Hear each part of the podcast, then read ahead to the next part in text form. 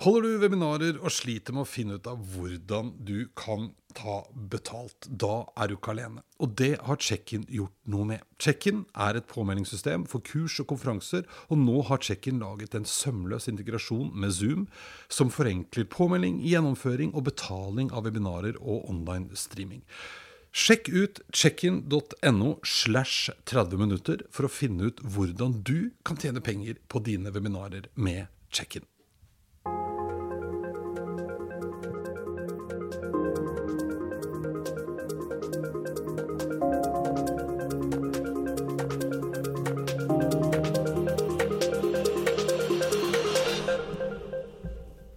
Er vi klar for fremtiden? Er vi som ledere klare for fremtiden? Vel, dagens gjest har skrevet boken 'Fremtidsrettet ledelse', som kom ut litt tidligere år. Og vi snakker om hva fremtidsrettet ledelse er, og det er ikke bare lett å finne ut av. Dagens gjest heter Eva Hagstrøm, som i dag driver sitt eget selskap, hvor hun jobber med bl.a. kommunikasjonsrådgivning og lederutvikling. For noen år siden tok Eva en master, og det var da hun spurte ledere om bl.a. fremtiden og deres forhold til innovasjon. Og det ble faktisk starten på boken 'Fremtidsrettet ledelse'.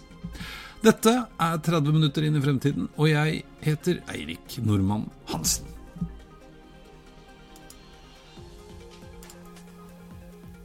Hei, Eva. Hei, Eirik. Velkommen til meg. Tusen takk. Veldig, Går det bra? Det går kjempebra. Så bra. Ja. Hva driver du med om dagen? Ja, plukke blåbær. Plukk- Ja, det er tid for det nå. Ja, det er masse blåbær. Masse blåbær. Umulig å gå forbi. Umulig å gå forbi. Og umulig å stoppe. Ja. er blåbær eh, favorittbæret, eller? Du, det er helt fantastisk å ha i, i smoothien. Ja, Så en blåbærsmoothie med litt kokosa og, og juice og honning, da får du knallstart på dagen. Og da, tenk at man kan plukke det ute. Ja, Det er ganske kult. helt gratis. Ja, helt gratis. Ja, blir veldig blå blå, blå tenner og Er så fint, så. Men det, vi skal ikke snakke om det nå. Du Nei. har skrevet bok. Gratulerer. Kom ut i år, gjorde du ikke det? Takk, ja. Ja, Det er ikke lenge siden. Nei, rett før sommeren. Rett før sommeren. Mm. Fremtidsrettet ledelse heter den. Du har fått litt hjelp òg. Det har jeg. Ja. Jeg har vært så heldig å ha, noen medskribenter. Mm. Og det er jo da Lars Rinnan, som jo du sikkert kjenner også. ja, ja, ja. Og Kimberly Lane Mathisen. Kjenner også. Jeg har hatt Ja. Mm. min på Microsoft. Lovlin Brenna på Sima, som mm. er utrolig dyktig på mangfoldsledelse. Så bra. Eh, Men fremtidsrettet ledelse, Mm. hva betyr det? Du, det er et eh, godt spørsmål. Mm, jeg ble nysgjerrig på fremtidsrettet ledelse for mange, mange år siden. Ti år siden, egentlig. Fordi jeg var så heldig at um, en av de første jobbene jeg fikk i en stor uh, internasjonal virksomhet som heter Esprit, Ja. klær Klær. Vet du hva, jeg tror faktisk at jeg eh, Du sa jo det i stad når vi begynte. Jeg tror faktisk jeg har hatt en dress en gang. Det er mange år siden, altså. Ja, Har du den fortsatt? Nei, for det er såpass mange år siden at Ja. den tror jeg rett og slett jeg brukte i stykker.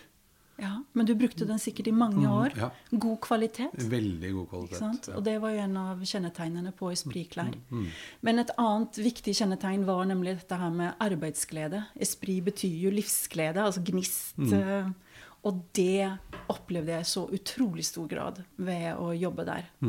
Så jeg var jo da markedssjef for Esprit eh, Sverige og Finland, og så flyttet jeg ned til headquarters i Düsseldorf. I Düsseldorf. Ja, Ja. Og der designet de klær og skor og ja, for det er et tysk selskap, det, selvfølgelig. Nei, Nei, det er et amerikansk Am- ja. selskap, men headquarters for eh, Europa. Europa. og Asia eh, ligger da fortsatt i Tyskland, i eh, Düsseldorf.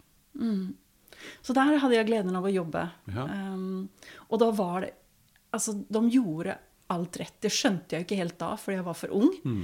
Men um, etter hvert så har jeg skjønt hvor mye riktig de gjorde. Og det var så utrolig mange kule ting. For eksempel så var vi på Köln, i, på Prinskonsert i Köln. Ja. Uh, og det kule er jo at de betalte halvparten av alt hva vi i medarbeiderne fant på. ja. Om det var å spille tennis eller um, prinskonsert, så betalte de halvparten. For å stimulere oss og, og altså glede, rett og slett. ja. Ja. Og dette gjorde vi jo masser av, og vi, vi hadde det så gøy på jobb. Det var veldig inkluderende, det var veldig mye mangfold. Mm. Ansvar ble delegert, vi samarbeidet. Altså, vi gjorde så utrolig mye riktig. Mm. Helt til den amerikanske CEO-en sluttet og flyttet tilbake til USA. Og så ansatte de en, eh, en tysk sjef som da innførte hierarki, kontroll, istedenfor å delegere og ha tillit. Og, og da, da endret seg eh, arbeidsmiljøet veldig fort. Veldig fort, ja. Ja, og det til det, til det negative. Og da var det mange i ledergruppen som sluttet. Og det var mange ja, Jeg sluttet også og begynte mitt eget firma. Mm. ja. For du startet eget selskap i Tyskland. Ja. Det var sprekt.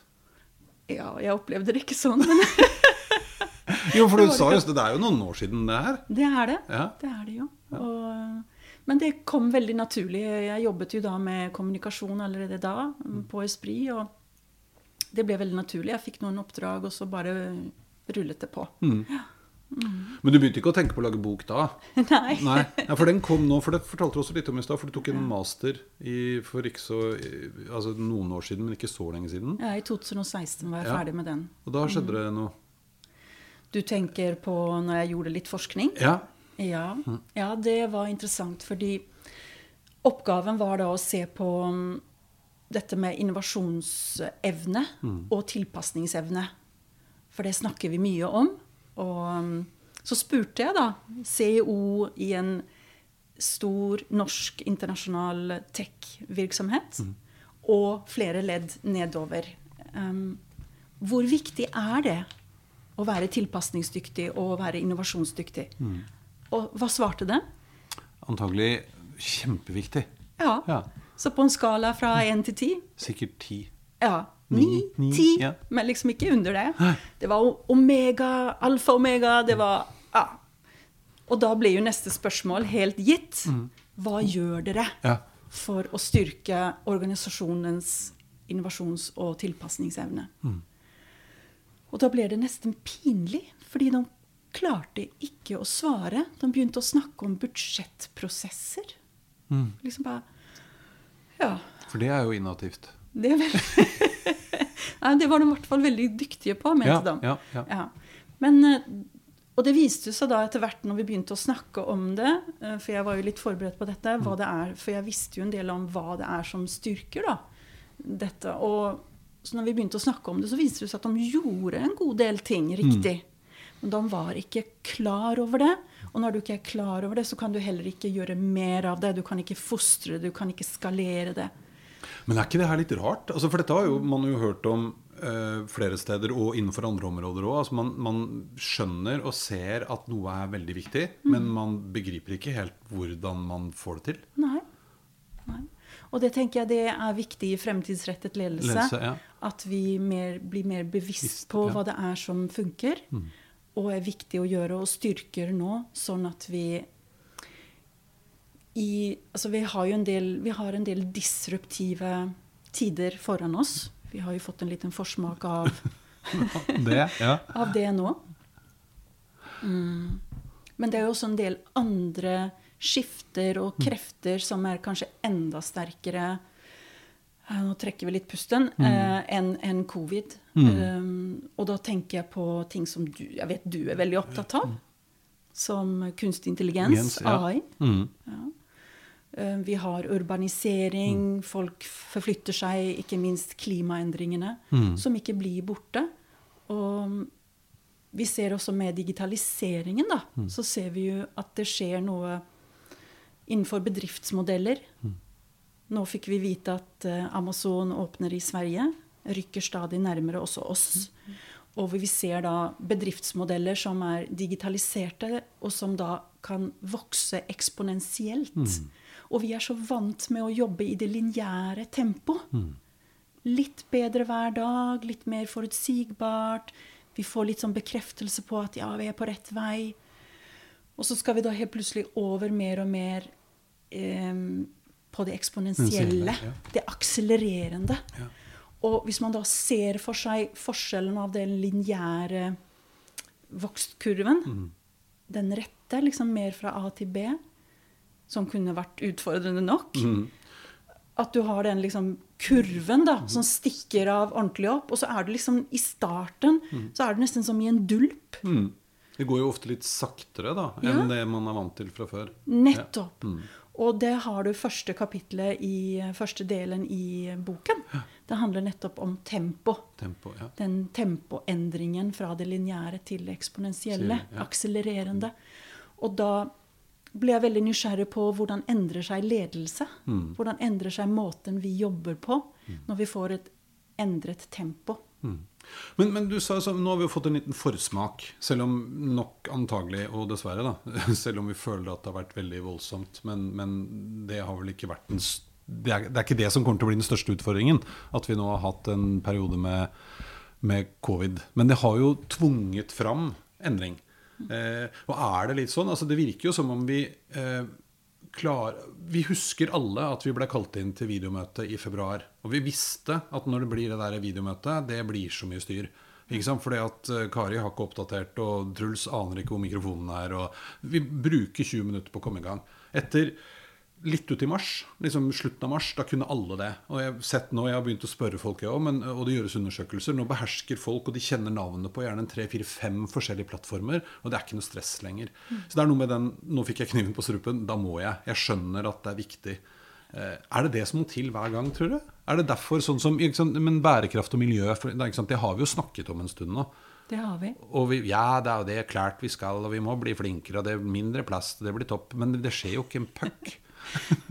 Nei, og der tenker jeg fremtidsrettede ledere er dyktige på nettopp å få til de endringene uten at vi får kniven på strupen. På strupen, ja, og Ja. være litt føre var. For det er jo litt sånn De som nå sier at de ble sjokkert over at Amazon åpner i Sverige, da tenker jeg at Sorry, kompis. Det burde du ha tenkt på før. Ja.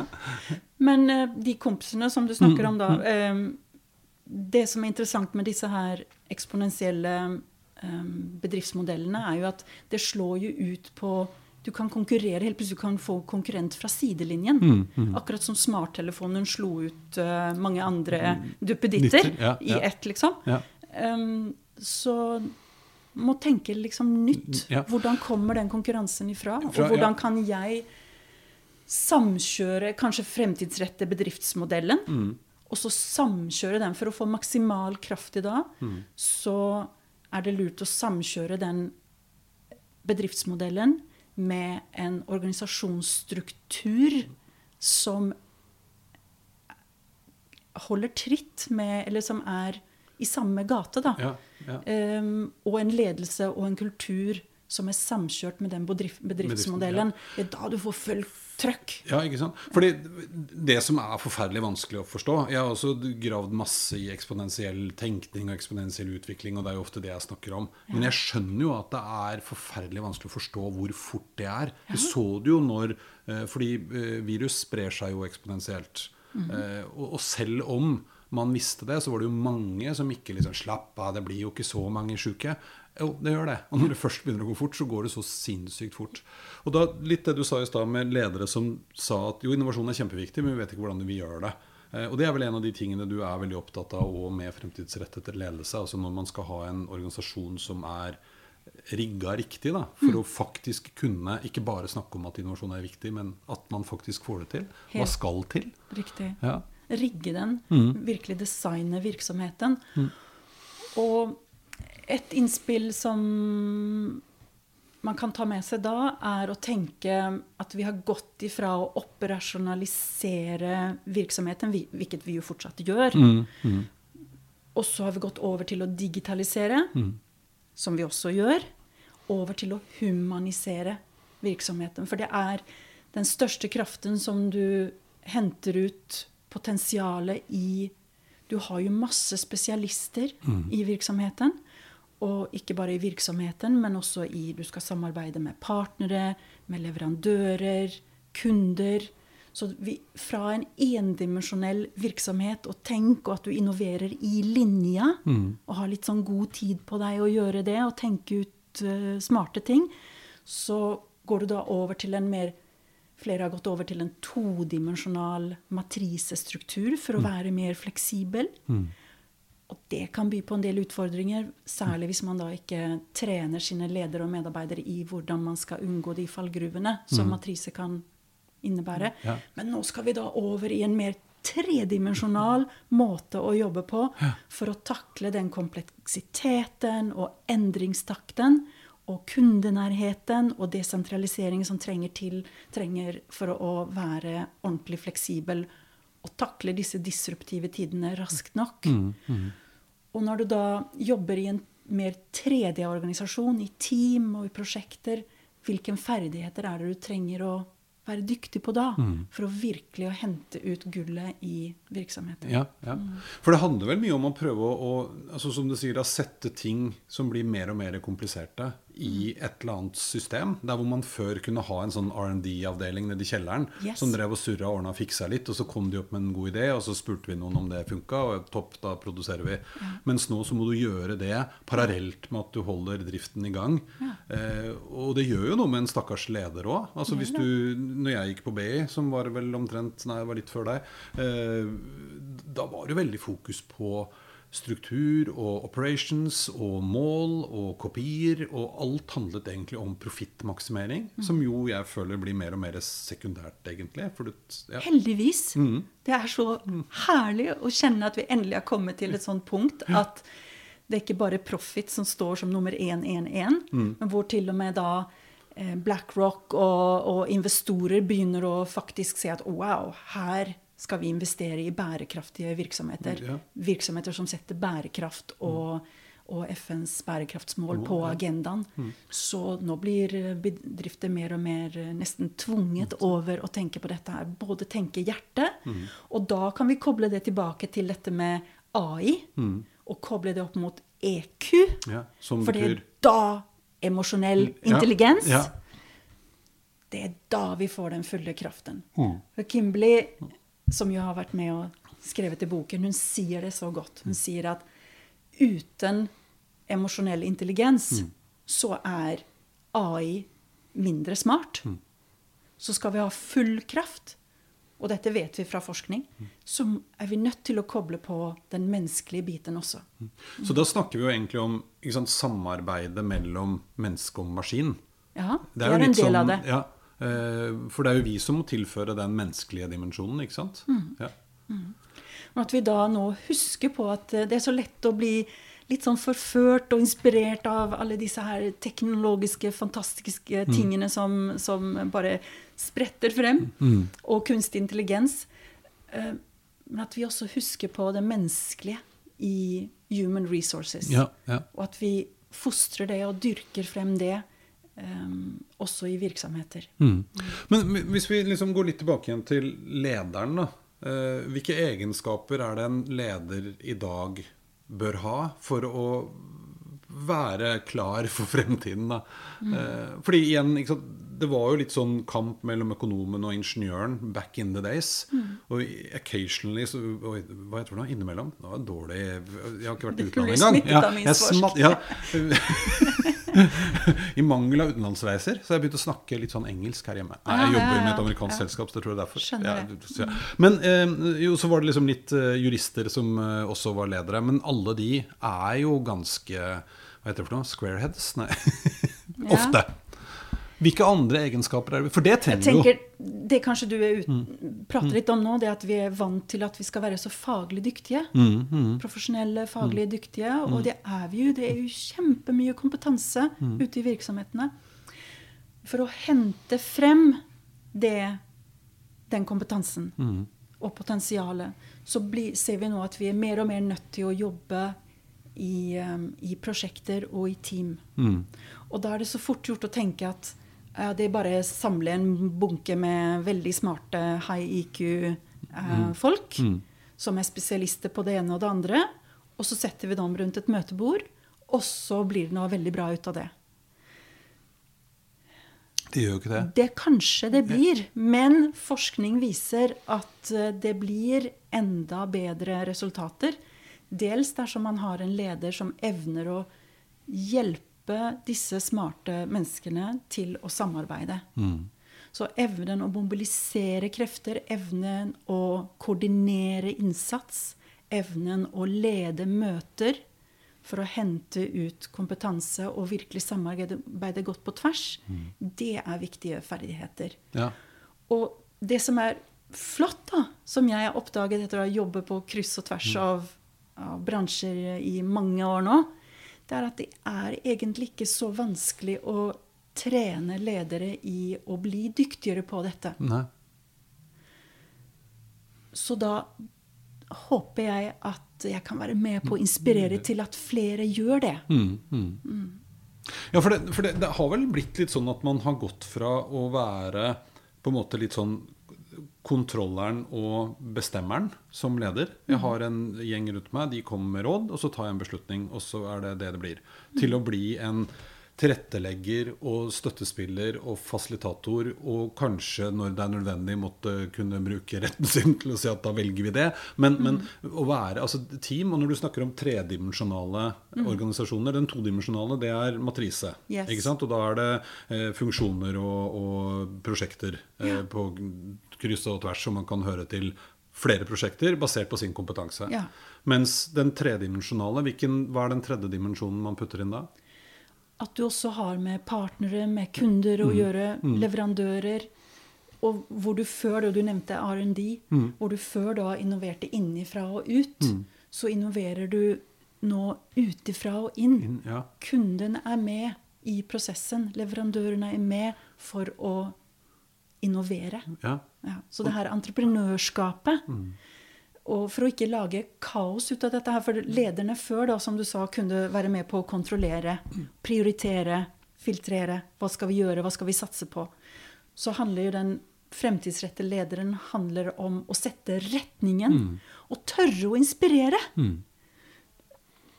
Tørre å mobilisere og gi de rammene og de prinsippene som skal til da for at folk skal kunne ta beslutningene så langt ute i organisasjonen som mulig.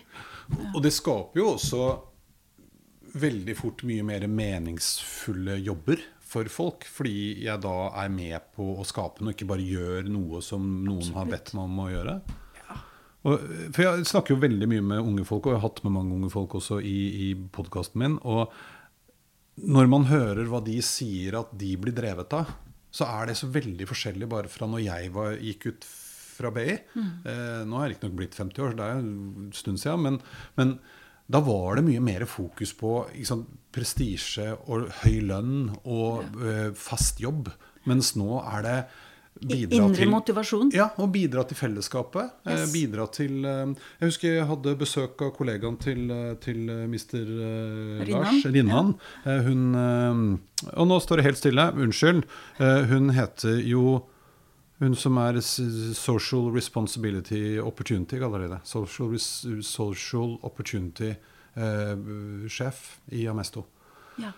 Eh, hun snakker om hvordan folk forventer å få være med på noe utover eh, seg selv og det selskapet leverer. Ja. Eh, og det er jo ganske flott, da. Ja. Ja.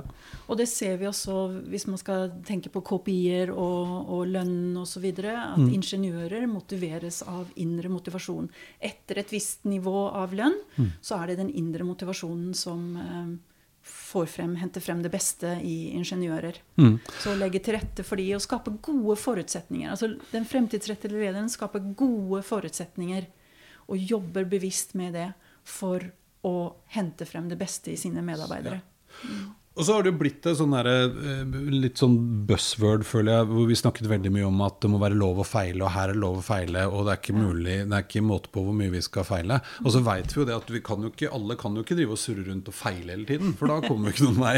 Men det er vel litt det som er clouet også med den type organisasjon, da. At man klarer å isolere de prosessene, har noen mekanismer for å plukke ut det som faktisk er verdt å satse på. Eh, og da vet vi at her kan man feile, og det er fine. Hvis alle skal drive og teste ting i hytt og gevær, så blir det jo ikke noe ordnings på. Det er riktig. Men det å, å tørre å feile, det er ikke sånn at alle gjør det. Nei. Og der har det også en viktig lederoppgave å faktisk etterspørre læring. Og hvis en medarbeider kommer og spør deg om eh, råd eller om en løsning, eller hvordan skal jeg gjøre dette her, så er en, en fin måte å gjøre det på å fostre den type entreprenørskap og selvtillit og selvtilledelse i sine medarbeidere, det er å bare spørre hvilken løsning hadde du tenkt på? Hvilke løsninger har du valgt bort? Sånn at også da ikke si løsningen selv om du vet den. Men bare vente. Og da vet medarbeideren at neste gang så kommer du til å spørre etter det, og har da kanskje tenkt ut på forhånd noen ideer. Og da blir jo Clouet her blir jo da hvordan du da svarer hvis da medarbeideren sier noe idiotisk. For det er jo ikke gitt at det kommer noen gode ideer. Nei. At du da svarer sånn at du bygger psykologisk trygghet. For det er Og her har vi med EQ igjen å gjøre. At du bygger psykologisk trygghet. For det er nummer én faktor. Og det er EQ også, for å hente frem topprestasjoner i team. Det er ikke IQ, det er EQ. EQ, ja. Sånn at du bygger den psykologiske tryggheten, sånn at folk tør å si noe idiotisk. Ja. Så da kan du ikke si at nei, det var en dårlig Og med stemmen, tonefallet ditt, at du da viser at Super at du prøver. Mm. Har du tenkt på det og det? Men det er vel litt her altså det du begynte med, der du jobba, i uh, moteverdenen i, I Spring? i, i Spri? Ja, ikke sant? Hvor det var en som åpenbart skapte det rommet, og hvor folk følte seg trygge Ja. uh, på å gjøre sånne ting, og fikk ta ansvar og kjøre sine greier. Ja. Kontra en som kom inn og tredde Excel-arket nedover øra på deg. Og, for det, mål er, det tror jeg jo fortsatt er vesentlig for folk å forstå hva er det jeg blir målt på. Men det må jo harmonere med eh, det vi prøver å få til. da. Ja, absolutt. Har, du- har du noe råd jeg vet ikke om du skriver noe om det i boka di, men uh, til ledere? fordi vi er jo så drilla i det. Når alt kommer til alt, så blir du liksom, så er det profitt. Og så skal jeg måle deg på enten uh, resultatgrad, eller hvor mange timer du fakturerer, eller uh, Hvordan skal man jobbe med det? For å få liksom fornuftige eh, mål på organisasjonen sin? Nå snakker vi jo om nå, triple bottom line, og noen har jo til og med ført til den siste, som jeg ikke husker hva er for noe. For det, triple er eh, profit, planet og people. Eh, og det krever jo nå investorer og folk utenfra, ansatte, eh, kundene dine. Jeg har lyst til å steppe litt tilbake der. Um, for noe som vi ser er mer og mer viktig i dag, og kanskje spesielt nå med covid, hvor man dessverre, da, på kort sikt i hvert fall, er nødt til å, for en del virksomheter i det minste, å holde fokus på lønnsomhet. Og faktisk overleve. Og det som automatisk skjer da, vil være at man får mindre fokus på innovasjon. Og for å svare generelt på det du spurte, så fremtidslettede ledere og ledergrupper, dem Nå skal vi bruke et, um, et uttrykk. Lærer noen nye uttrykk. Det er gøy. Ja. Ambidekster. Oi. Ambidexter Ambidexter. betyr at du er like god på begge. Begge. Som da ja. Han var like god på høyre og venstre hånd. Ja, ja. Så ambidekster mm, betyr faktisk like god på begge hendene. Jeg er like god på å plukke blåbær, forresten, med venstre og høyre høyre, hånd. oi. Ja, Ja. ja, fordi jeg ble skadet i, i høyre tommel en gang som barn, og da måtte jeg plukke blåbær med venstre hånd, så det har jeg fortsatt med. Men at ledere i dag, ledergrupper, er like gode på å balansere det operative, effektive, som det innovative. Og styrer organisasjonen bevisst, tar de diskusjonene oppe i ledergruppen. For det blir noen interessekonflikter der, og vi blir ofte målt på det effektive og på profit. Så å ta de diskusjonene høyt opp, fordi interessekonfliktene blir ellers bare pushet ut i organisasjonen, og veldig vanskelig at, eh, å se da at lederne nedover at de velger å ditche profitability Ja. eh, når de vet at oh, her har vi en flott mulighet, men jeg blir ikke målt på det, så Ja? Så å ta de eh, konfliktene høyt opp, Ja.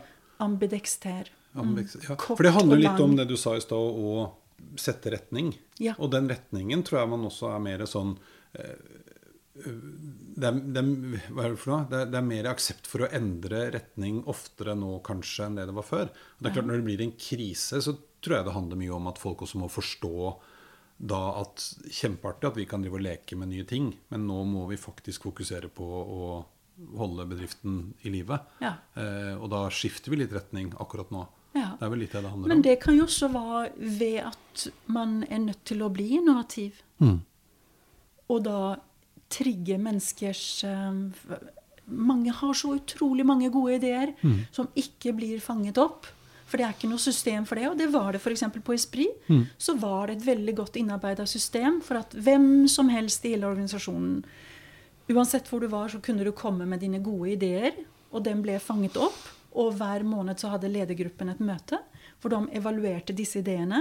Og når de fant noen skikkelig gode ideer, så ble det også anerkjent, og det ble belønnet. Mm. Så dette var godt kjent i hele virksomheten. Mm.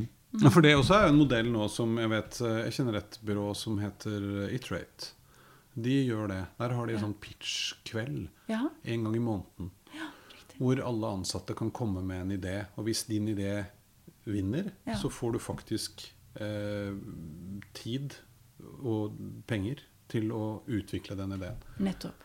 Eh, Og det er mange virksomheter som setter av bevisst at uh, du skal bruke Du får lov til å bruke 10-15-20% av arbeidstiden din til å være innovativ. eh, Men da igjen, sant, da blir det For det husker jeg det ble, Google var en av de første som satt det veldig i system. Ja. Og så hadde alle lest om det, og det var kjempegøy. Og så prøvde man å innføre det, og så glemte man å justere målene. Ja. Sånn at nå kan du bare bruke 10% av tiden din på å leke, men, men du eh, blir målt. blir målt på det andre. Ikke sant? Så det var det jeg prøvde å få frem i stad. Du må samkjøre. Mm, mm, For hvis du sier eh, Den her virksomheten som jeg forsket på, de hadde i sin strategi at vi skal være cross-collaborative. mm.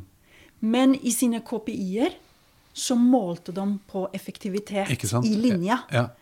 Så det ble jo nesten kynisk. Det ble kynisk Mm. uten at aha, det her er veldig cross-collaborative. Det er jo ikke det. Nei. Nei. Så her må man samkjøre Kjøre, ja. Alle de viktige Men- mekanismene. Men må man ha litt is i magen? For det, det jeg skjønner, for jeg har jo vært med på dette selv i, i lederroller og ledergrupper, hvor vi var liksom midt oppi dette for noen år siden, og man skulle snu. Vi måtte gjøre ting annerledes, for hvis ikke så ville ikke folk jobbe der. Men det er jo så, ikke sant, jeg har jo gått da 18 år på skolen og lært meg at eh, det er profitt som teller. Og det å tørre å liksom se bort fra det, Ja. slippe det andre frem, og håpe at eh, ikke sant, Du blir jo litt sånn, skjønner jeg, i den overgangen. Så Ja. setter vi på skylapper og håper det går bra. Det er så bra du tar dette opp, Eirik. Mm. fordi det er jo forskjellen på å jobbe med det lineære tempoet Mm. og over i det eksponentielle mindsettet. Hvor du er i den dulpen. Ja. Hvor du må ha is i magen. Og når Mm. du er i den dulpen der, og du ikke ser helt om du skal Mm. til Du skal ikke fra A til B, du skal til X eller Y eller Z. Mm. Og du vet ikke helt, og du litt usikker. Mm. Og hvordan, du vet jo hvordan du føler deg når du ø, er usikker og forvirret, og du kanskje gjør noe dumt, du gjør kanskje gjør noe feil, og så skal du leve i den usikkerheten der en god stund. Før det ordentlig tar av, og du liksom begynner å merke at nå er vi på rett vei. Så den evnen å trene den usikkerhetsmuskelen, evnen å stå i det, og hvordan da interaksjonen mellom mennesker er når du er i disse her prosjektene eller eksponentielle dulpen, det blir avgjørende. Er det destruktive dialoger og møter og interaksjoner, eller er de konstruktive?